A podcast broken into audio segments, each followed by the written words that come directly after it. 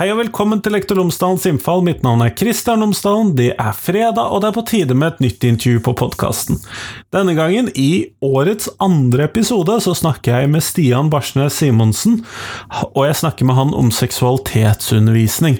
Og hvor finner vi disse ressursene vi trenger? Det er masse som er laget. Hvor finner vi disse tingene? Hva er det vi kan hente fram? Hva er det som dreier seg om hvilket tema? Kategorisering?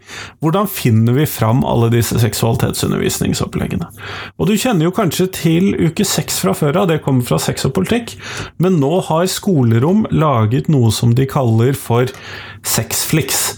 Og Sexflix samler opp masse filmklipp, serier og dokumentarer om en rekke tema innenfor seksualitet, for å skape engasjement og inkludering og læringsopplevelser i seksualitetsundervisningen i skolen.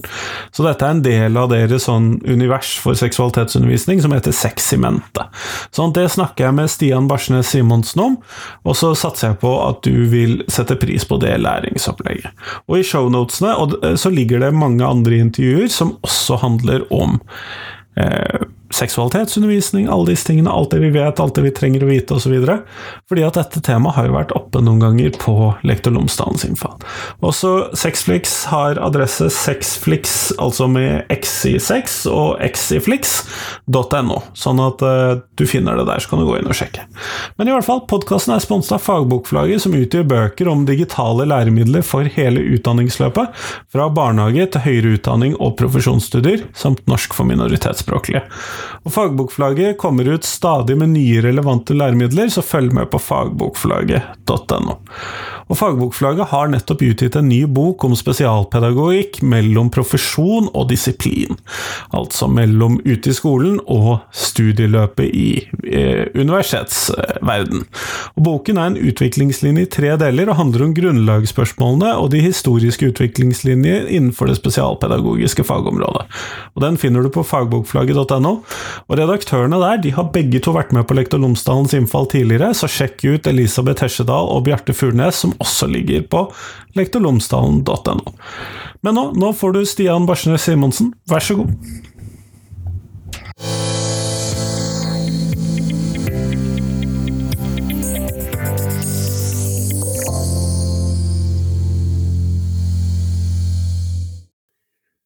Stian Barsnes Simonsen, tusen takk for at du har tatt deg tid til meg i dag.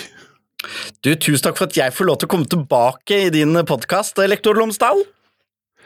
Det er bare en glede, vet du, Stian. Du, eh, du, har jo vært med før, men du er nok nesten nødt til å fortelle lytterne mine tre ting om deg selv, sånn at de kan få bli litt bedre kjent med deg også denne gangen. Ok. Uh, først og fremst eks-kjendis. Uh, jobbet som skuespiller og programleder på diverse norske TV-kanaler i gamle dager. Nå så leder jeg Norges uh, eneste kommunikasjons- og, og, produksjonsbyrå som har et spesialmiljø, fagmiljø, rettet mot barn og unge. Altså det Norges eneste på utsiden av NRK, da. Og, og så har jeg hoppet fra en bygning på 280 meter. En liten fun fact på slutten. Det høres veldig bra ut. Du, eh, du, og ditt byrå er jo nå aktuell med et prosjekt knyttet til seksualitetsundervisning, og hva er det dere har gjort? Du, eh, vi har eh, fått et oppdrag fra eh, undervisningsplattformen Skolerom. Dette begynte egentlig med Vi samarbeidet med dem på et annet prosjekt eh, også, og så har vi i RAMP, da, som byrået mitt eh, heter, vi er eh, veldig opptatt av generelt samfunnsutfordringer som handler om barn og unge i Norge. Og det at uh, målgruppene selv rapporterer at det er for, uh, for, dårlig seksualopplysning i samfunnet generelt, det gjelder jo ikke bare skolen, men det gjelder jo i hele samfunnet, at vi har uh, ganske stygge tall hva gjelder overgrep mellom unge. og vi er jo på verdenstoppen hva gjelder en del seksuelle overførbare sykdommer osv. Så, vi bestemte oss for at her må vi bruke vår kompetanse til å bidra på et eller annet vis. Og så snakker vi med skolerom, og så har jo de selvfølgelig et kjempefokus, og det gjelder nok alle som jobber med skole, eh, har jo det. Så de sa å, kan ikke vi samarbeide om, eh, om dette? Og da tenkte vi aller først, for vi så jo at uh, elevene de sier at de opplever at seksualundervisningen generelt er for dårlig. Og det, jo, det, går jo på flere faktorer. Eh, mens mange lærere mener at det er for lite gode undervisningsopplegg om seksualundervisning. Så vi startet jo med en tanke på at ok, da skal vi lage det beste eh, og kuleste seksualundervisningsopplegget. Men så kom mine researchere tilbake til meg, og så sa de, for vi hadde jo da en opplevelse av at det fantes ganske lite, og at det som fantes var for dårlig. Men så kom de og sa vet du hva, det, det er ikke sant, det finnes masse bra innhold. Masse pedagogisk godt innhold, eh, og masse gode serier, filmer, kortfilmer. Det er bare det at det ligger spredt overalt, eh, og det er nok vanskelig for mange lærere å finne dette og ta sine valg på hva de ønsker eh, til sin klasse. For det er jo klart at både hva gjelder de forskjellige trinnene, de forskjellige lærerne og de individuelle elevene, så, det, så ønsker man kanskje å skreddersy dette litt. Eh, så da fikk vi en idé som da vil bli lansert i løpet av, i løpet av neste år. Og det er rett og slett plattformen som kommer da til å ligge under skolerom.no, eh, men den åpne plattformen sexflix.no. Eh, og det blir jo da en, det vi kaller en anbefalingsside, en samleside, som linker videre til alt mulig av TV-serier, filmer, kortfilmer og undervisningsopplegg som handler om, eh, om seksualitet eh, for de forskjellige trinnene. Så kan man da gå inn og se hva er det som passer for, de, eh, for, for meg, og så er jo det selvfølgelig knagget til, til læreplan. Og så kommer det også, er planen at det skal være også helt åpent, sånn at også elever som er nysgjerrig på dette, kanskje på fritiden også, kan finne frem til sexflix.no, som da er en nettside hvor man faktisk lærer om sunne ting rundt eh, seksualitet, eh, og ikke alt det andre som man jo tross alt kan finne på det store internettet. Det høres ut som en eh, relativt ambisiøs plattform å få til. Har det vært utfordrende å jobbe med å finne disse ulike ressursene som skal inn? Ja, vi, det, og det jobber vi fortløpende med. og dette er jo også, Det er også meningen at det skal være en, en levende side. Kommer det noe, noe, nytt, så skal jo det inn. Eh, og, og ikke sant, Da kommer det anbefalinger fra lærere som vet om noe som siden ikke er plukket opp osv. Så, så skal man jo eh, så skal man kunne komme med de tipsene, sånn at dette blir en, en side som blir større og større og mer og mer relevant. Uh, og så er det jo en anbefalingsside, så eksempelvis uh, så vil jo Trekant, NRK-serien Trekant, som vel gikk i 2017 eller når det, når det, var, den vil jo ligge der, og når man trykker på den, så blir man jo bare linket inn i spilleren til NRK. Uh, men man vil kunne lese i, i infoen hva som, hva som, passer da for hvilke trinn, osv. Og så I tillegg så er det jo en morsom greie, og det er jo det at vi kommer også til å produsere noen Sexflix Originals. og og det er jo da eh, helt egne serier som lages og legges ut på den samme plattformen. Og, eh, og da kommer vi, når idet plattformen blir lansert, så kommer også den første Sexflix Original til å bli lansert. Og det er en serie som vi har kalt for Sexy fun facts. Det er korte videoer som eh, tar tak i fun facts i seksualiteten. Det er jo for å gjøre det spiselig for elevene. Ofte så er det jo dessverre sånn at fun facts er morsommere å kunne enn de viktige tingene her i livet. Så vi Funfacten er inngangen for å så fortelle om noe viktig, og det er ment som et oppspark inn i undervisningen for at elevene skal få rom til å faktisk le og fnise litt, for det har man jo behov for å få ut av kroppen ofte i seksualundervisningen, og at lærerne også kan bruke det som en slags icebreaker inn i, uh, i, undervisningen. Og så vil det uh, eksempelvis uh, vil jo funfacten verdens lengste penis, det er jo ikke kjempeviktig å vite, men det er litt morsomt. og det er jo da en fin inngang til å snakke om hva som er en nålstørrelse penis, som jo er verdens enkleste ting å google seg frem til, men det er også fortsatt det spørsmålet flest ungdomsskolegutter eh, spør om og lurer når de f.eks. stiller spørsmål til ung.no om seksualitet. Um, så da sant, har vi fine veier inn til å snakke om det som er mer faglig viktig, gjennom fun facts. Og jeg kan bare si, som eh, mann 44, det har vært så gøy å jobbe med. Altså, jeg vet nå så mye rare ting. Visste du for eksempel, uh, lektor Romsdal, at cornflakes ble utviklet for å motarbeide onani? Det er et anti-onaniprodukt. For Mr. Kellogg's han var en anti-onanist, så han som utviklet kjedelige matretter som bevisst var kjedelige, for å få folk til å slutte med onani. Eh, er, ikke det, er, ikke det, utrolig eh, gøy fun fact? Eh, ja, nå har jeg alltid vært en honningkornmann selv, da. det skjønner jeg jo kanskje mer om hvorfor nå, men, eh, men Cornflakes ble jo en kjempesuksess til tross for dette. Veldig gøy inngang inn til å snakke om noe som kanskje mange lærere syns er litt keitete å snakke om med elevene sine, men da kan cornflakes-boksen være en fin vei inn i det.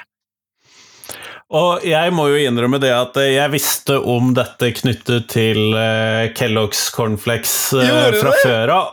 Men ja, det er kanskje ikke så rart som en religionskritisk uh, person opptatt av seksualitetsundervisning. men jeg kan fortelle at Kellogg's-hotellene fremdeles er alkoholfrie i Sør-Amerika. som en del av det samme.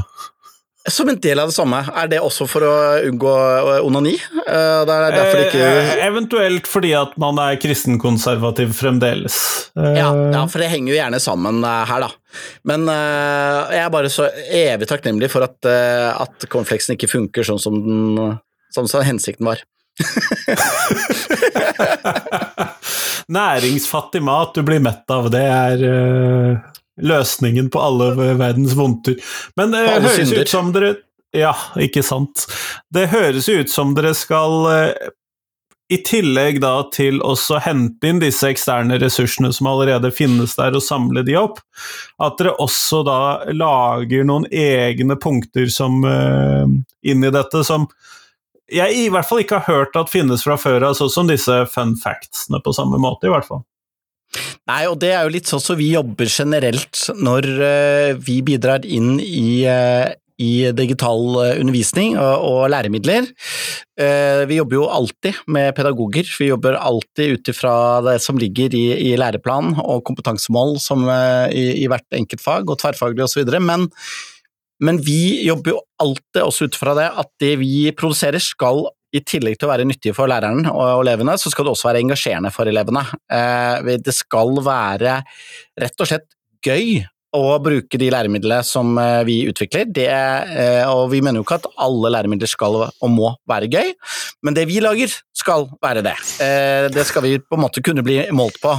Um, og det betyr jo ikke å flåse det bort, for det skal alltid ligge en helt konkret hensikt, og vi ønsker ikke å lage matpausefyll, eh, men, men faktisk eh, innhold som lærerne kan bruke for å oppnå sine mål i undervisningen, så det er jo alltid en, en veldig spennende balanse. Men her gikk vi inn i maten og så på hva er det lærerne og elevene opplevde som utfordrende, og akkurat denne tematikken her, så er det jo det at det er Det er ikke bare personlig, det er eh, ganske privat for oss som, eh, som individer, både lærere og elever. Eh, og derfor så er ikke en en åttendeklasse er ikke en åttende klasse. Det det er forskjellige individer man, man, skal snakke om dette, og da ha muligheten til å skreddersy det litt, og til å anerkjenne at og det vi har også vært veldig opptatt av, er at sex, eh, sexologi, eller ikke sexologi, men seksualitet, det er jo ikke bare noe skummelt og farlig og alvorlig og noe du potensielt kan bli gravid og dø av, eller komme i fengsel eh, hvis du driver og holder på med. Det er jo først og fremst utrolig digg og drita gøy. Og hvis ikke vi eh, anerkjenner den delen av sexen, så, så mister man jo allerede litt av inngangen i en god dialog, da. Eh, men så må vi også snakke om de viktige tingene og om de alvorlige tingene. Og, og, og, for å få til den dialogen med elevene, og samtidig få de til å også oppleve at, dette, at de kan engasjere seg i dette uten å føle at de utleverer seg selv eh, personlig hver gang de åpner munnen eller rekker opp hånden, det er jo på en måte litt av nøtten som vi jobber med inn her, da. Uh, og så skal det sies også at, uh, uten at jeg kan si så mye om det foreløpig, men så jobber vi også med dette feltet på utsiden av eh, skolen, opp mot helsemyndigheter. Um, og håper å kunne etter hvert uh, lansere enda større satsinger på dette feltet, som, som også kommer til å bli linket til skolen som en del av det. Men det må jeg komme tilbake til. Det må du komme tilbake til. Ja, hvilken aldersgruppe er det dere har rettet dere inn mot i dette? For det er jo en sånn Det, er jo et 13-årig skoleløp vi skal jobbe med. Ja, eh, og eh, det er nok mesteparten av innholdet som også er tilgjengelig nå, er nok tilpasset ungdomsskole og videregående. Eh, men det vil nok også være noe innhold der som er relevant for for yngre trinn. Og Det er det som er så fint, at lærerne vil kunne gå inn der og så sortere på trinn. Sortere på, på forskjellige eh, tem temaer. Eh, akkurat som på Netflix, hvis du skriver eh, action movie eller romantic drama, så får du opp bare eh, det. Eh, du kan søke deg frem til det. og Det kan du også gjøre her. Så du kan velge på det tema og eller uh, trinn, og så vil du få opp det som er, er, relevant. Da. Så sånn sett så håper vi at alle lærere går inn og sjekker det ut, uavhengig av hvilke trinn de underviser, og hvilke fag de underviser i.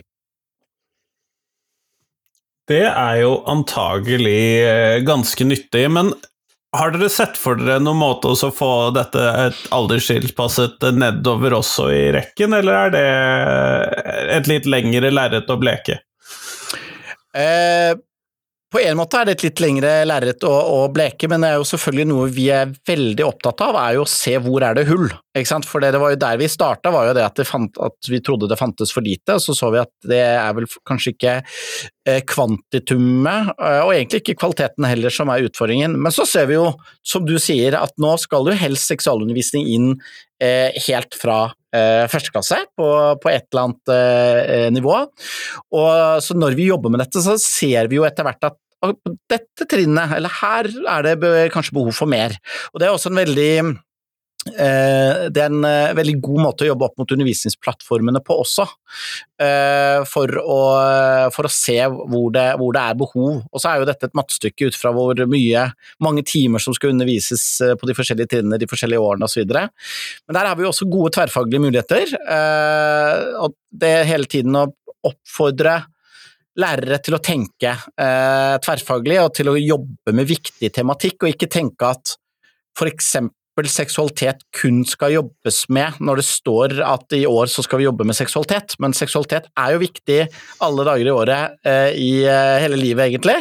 Så det, det, er jo fullt mulig til å jobbe med det eh, i både matematikk og norsk og samfunnsfag, eh, naturfag ikke minst. Eh, selv om det kanskje ikke står at det er seksualitet som skal på timeplanen, selv om dette ikke er året hvor eh, Eller det må ikke være uke seks hvor man bruker dette. Det, er man opptatt av å faktisk gjøre en endring og oppleve at dette området er veldig viktig, så skal man kunne jobbe med det gjennom hele året, egentlig, i, i alle trinn. Det er i hvert fall det som er målsetningen eh, vår, da. Men det er jo et litt lengre lerret å bleke, kanskje. Det forstår jeg. Uh, har du gjort deg noe Dette er jo et uh, område som uh, av og til utløser en viss kontrovers, og hvor det er mye sterke følelser osv. Har det vært i bakhodet i utviklingen av denne læringsressursen? Absolutt. og det er jo altså vi, jo vi, jobber jo med alle mulige temaer som er relevant både for barn og unge, og for så vidt inn i skolen. Um, så uansett hva vi gjør, så er jo det en sånn tunga rett i munnen-øvelse. Eh, vi er eh, helt avhengig av å jobbe med gode fagfolk på, på alle områder, og både pedagoger, men også spesialister innenfor de forskjellige feltene vi, vi jobber med. Og seksualitet selvfølgelig har jo alltid vært kontroversielt, eh, så lenge vi mennesker har eh, fattes på denne eh, planeten. Og Der er det jo litt forskjellig. Sånn som skolerom, de er, de er en edgy, litt sånn utfordrer på, på undervisningsfeltet. De er, de er, hakket tøffere, eller modigere, da, enn en del av de andre plattformene, i hvert fall vår oppfattelse. Og, og, og, hvis vi blir for, for, for, forsiktige, hvis vi er sånn at her skal vi ikke støte noen, eller det skal ikke være en eneste lærer i, i Norge som ikke reagerer på dette, eh, så tror vi at vi bommer. Vi må, vi må, tørre, både vi og ikke minst skolerommet, må, må tørre at det helt sikkert garantert er noen lærere som syns at, denne, at dette blir for flåsete eller for useriøst, eller at vi vinkler dette på en feil måte osv. Men så er det jo heller ikke obligatorisk å bruke det. Eh, så vil du få andre lærere, tror jeg, som tenker at ah, endelig, dette er genialt, dette funker faktisk for min eh, klasse. Her har dere gjort min eh, lærerdåd enklere. Men, så vi er jo opptatt av at vi er ikke redd for å få kritikk fordi at på dette, men det skal være faglig sterkt. Vi skal ikke si noe som ikke er sant. Det skal være like vetta som alt annet som vi utvikler av skolemateriale, men så er det sikkert noen som Sikkert noen som syns det er veldig teit at vi i det hele tatt har laget en video om eh, verdens eh, lengste penis, for da begynner de å tenke mer på det, og det er ikke sikkert at de tenkte på det på forhånd, og skaper vi da ikke egentlig et press osv. ved å bare i det hele tatt løfte dette. Du vil alltid ha sånne type Og så mener vi nei, da. Vi mener at eh, eh, det, her spiller vi på litt humor og nysgjerrighet, og uh, vi tror ikke at vi skaper mer angst ved å fortelle ungdomsskoleelever uh, hva som er den lengste offisielle registrerte penisen i, i verden. Um, men det at det finnes veldig mye angst uh, og nervøsitet rundt dette feltet, det vet vi, og det, det skal vi ivareta uh, og ta på den største alvor. Så uh, Derfor har vi en hensikt rundt, rundt bl.a. funfactene som vi, vi, tar opp, men vi blir nesten skuffa hvis, hvis, ikke noen blir støtt. Da, da er det jo litt for tamt, tenker jeg. Eh, nå har du snakket så mye om denne her penisen. Eh, husker du hvor lang den er lengste penisen er? Den mener jeg, og jeg vil jo gjette. Ja, jeg husker det. Selvfølgelig husker jeg det. uh, 30? 5, og, ja, 32? Altså, det er, det, er, det, er, det er, poeng. Det er fullt poeng. Er, den er 34 cm i erigert tilstand. Uh, som jo er uh, imponerende. Han, han, som bærer den, er uh, Han har jo livnært seg av det, men han har jo ikke et seksualliv som jeg tror noen av oss skulle ønske vi hadde. Og det er jo også et poeng. Dette er jo en vel så stor utfordring som noe annet for han, så det er på en måte bra at han i hvert fall har kunnet leve litt av det profesjonelt. men Uh, og så er det en annen som har utfordret han, uh, som har en penis på uh, vel, Den er vel over halv, halvmeteren, men han har Det er nesten bare forhud. Selve penisen er bare altså Da sier jeg bare, i anførselstegn, men den er 17-18 uh, cm når de, når de ut fra røntgen, så det er forhuden hans, og som han også aktivt har strukket over mange, mange år. Betent greie, hele Eh, både i overført og direkte betydning. Ehm, så, eh, så, han er derfor ikke den offisielle, da. Det er en brite som har den offisielle, og den offisielle rekorden er 34 eh, cm i erigert tilstand. Ja, nei, det hørtes upraktisk langt ut. ja, det og det, det, kommer selvfølgelig også frem at det er, eh, det er de færreste som, eh, som, drømmer om den type størrelser, både hva gjelder eh, gutter og, og kvinner. Nettopp, nettopp, nettopp. Du, Stian, vi går mot slutten her, og da skal jeg stille deg det spørsmålet som jeg stiller til alle jeg intervjuer for tiden, og det er Hvilken lærer har gjort størst inntrykk på deg, og hvorfor det? Altså, egentlig så er det ikke så vanskelig å, å velge, for jeg har hatt uh, flere gode og viktige lærere som jeg kunne ha name-droppa, både på barneskolen, ungdomsskolen og videregående. Uh, men jeg må nok nevne en som jeg har nevnt i lignende sammenhenger tidligere, som var klassekontakten min, i hvert fall ett, om ikke to av årene på ungdomsskolen. han var også norsklærer og samfunnsfaglærer og hadde også valgfaget sosialantropologi, som jeg valgte på ungdomsskolen ene og alene fordi det var han som var eh, læreren. Og det er eh, Mr. Bernt Bjune, nå eh, på Uraneborg skole, nå pensjonert. Han var altså en lidenskapelig lærer. han hadde temperament, og så hadde han Han var han hadde en del hangups i språket, men jeg tenker på han nesten ukelig uh, fortsatt, fordi at han hadde en del uh, ting uh, som hang seg så opp i. Altså hvis en journalist på TV hadde sagt for eksempel sagt eh, ja, da må jeg få spørre deg spørsmålet, eksempel. Da, da kom han rasende på skolen uh, på, på mandager og bare Dere hører at det er feil. Dere hører at å spørre et spørsmål er feil. Det heter å stille et spørsmål, eller å spørre om noe. Oppmann de som ikke hører det, spørre et spørsmål. Så, så kjørte han, da. Uh, og uh, en fin eh, eh faktisk, Jeg var jo så heldig for en del år siden, eh, så vant jeg faktisk Riksmålprisen. Høyst overrasket, overraskende da, jeg, da jeg fikk den telefonen, så var jeg faktisk helt sikker på at det var noen i P4 som ringte og tull, tulleringte, for jeg hadde sagt høyt i en eller annen anledning at, at jeg trodde det var større sjanse for at jeg kom til å vinne en Oscar enn at jeg kom til å vinne Riksmålprisen, og så vant jeg faktisk Riksmålprisen! Eh, det var jo veldig, veldig artig. Og, jeg, og, og, da jeg skulle holde min uh, takketale når jeg mottok uh, den, så, så, siterte jeg en, uh, en, episode med Bernt som jeg aldri glemmer, og det var en sensommerdag hvor det var begynt å bli litt kaldt. De fleste gutta hadde vært på skøytebanen og spilt eh, fotball, og kom inn i klasserommet og var ganske varme. Eh, jentene hadde stått mer stille og sett på, så de var ganske kalde. Gutta de begynte å åpne vinduene, jentene gikk og lukka dem igjen. Eh, så når Bernt kom inn i timen, så var det ganske urolig, og da ble han irritert for hvorfor det var urolig. Uh, og da var det jo da noen som prøvde å, uh, liksom å forklare at uh, nei, uh, guttene driver og lukker opp vinduet hele tiden. Og da sa Bernt nei, dere driver ikke og lukker opp vinduet, dere åpner vinduet, og så lukker dere vinduet. Det er ingen som lukker opp noe som helst. Åpne, lukke. Og så ble jo alle litt sånn rare i, ansiktet, og så og så sier da min bestevenn Pablo så sier han høyt ja ja, drit nå i de vinduene. Og da svarte Bernt nei, vi driter ikke i et vindu, vi driter i så fall på et vindu.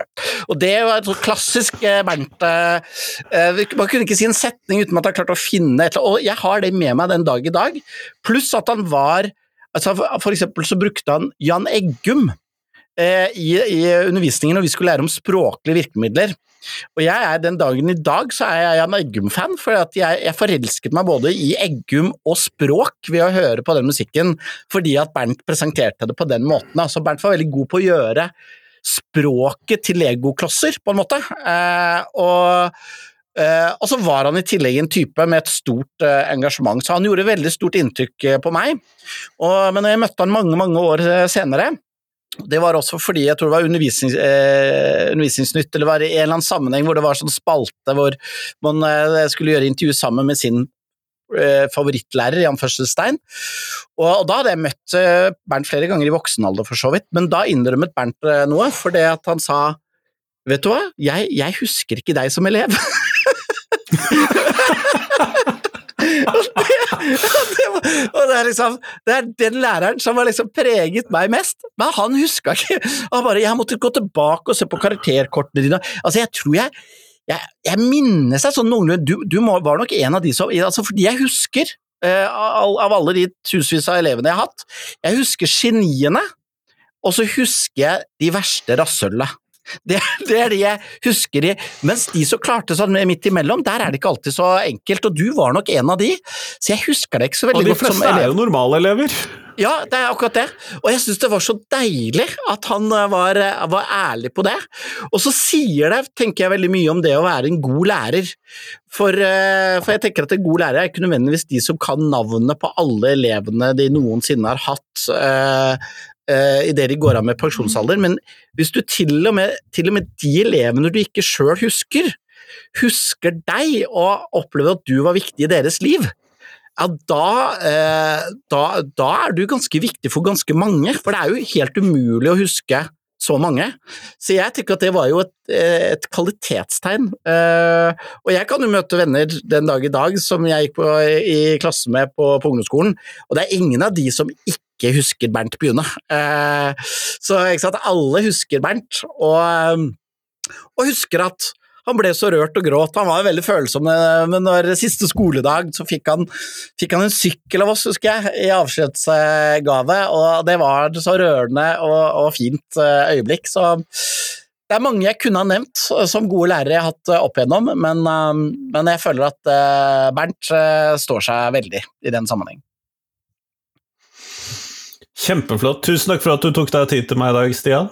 Det er altså Selv tusen takk for at jeg får lov til å komme og snakke om dette.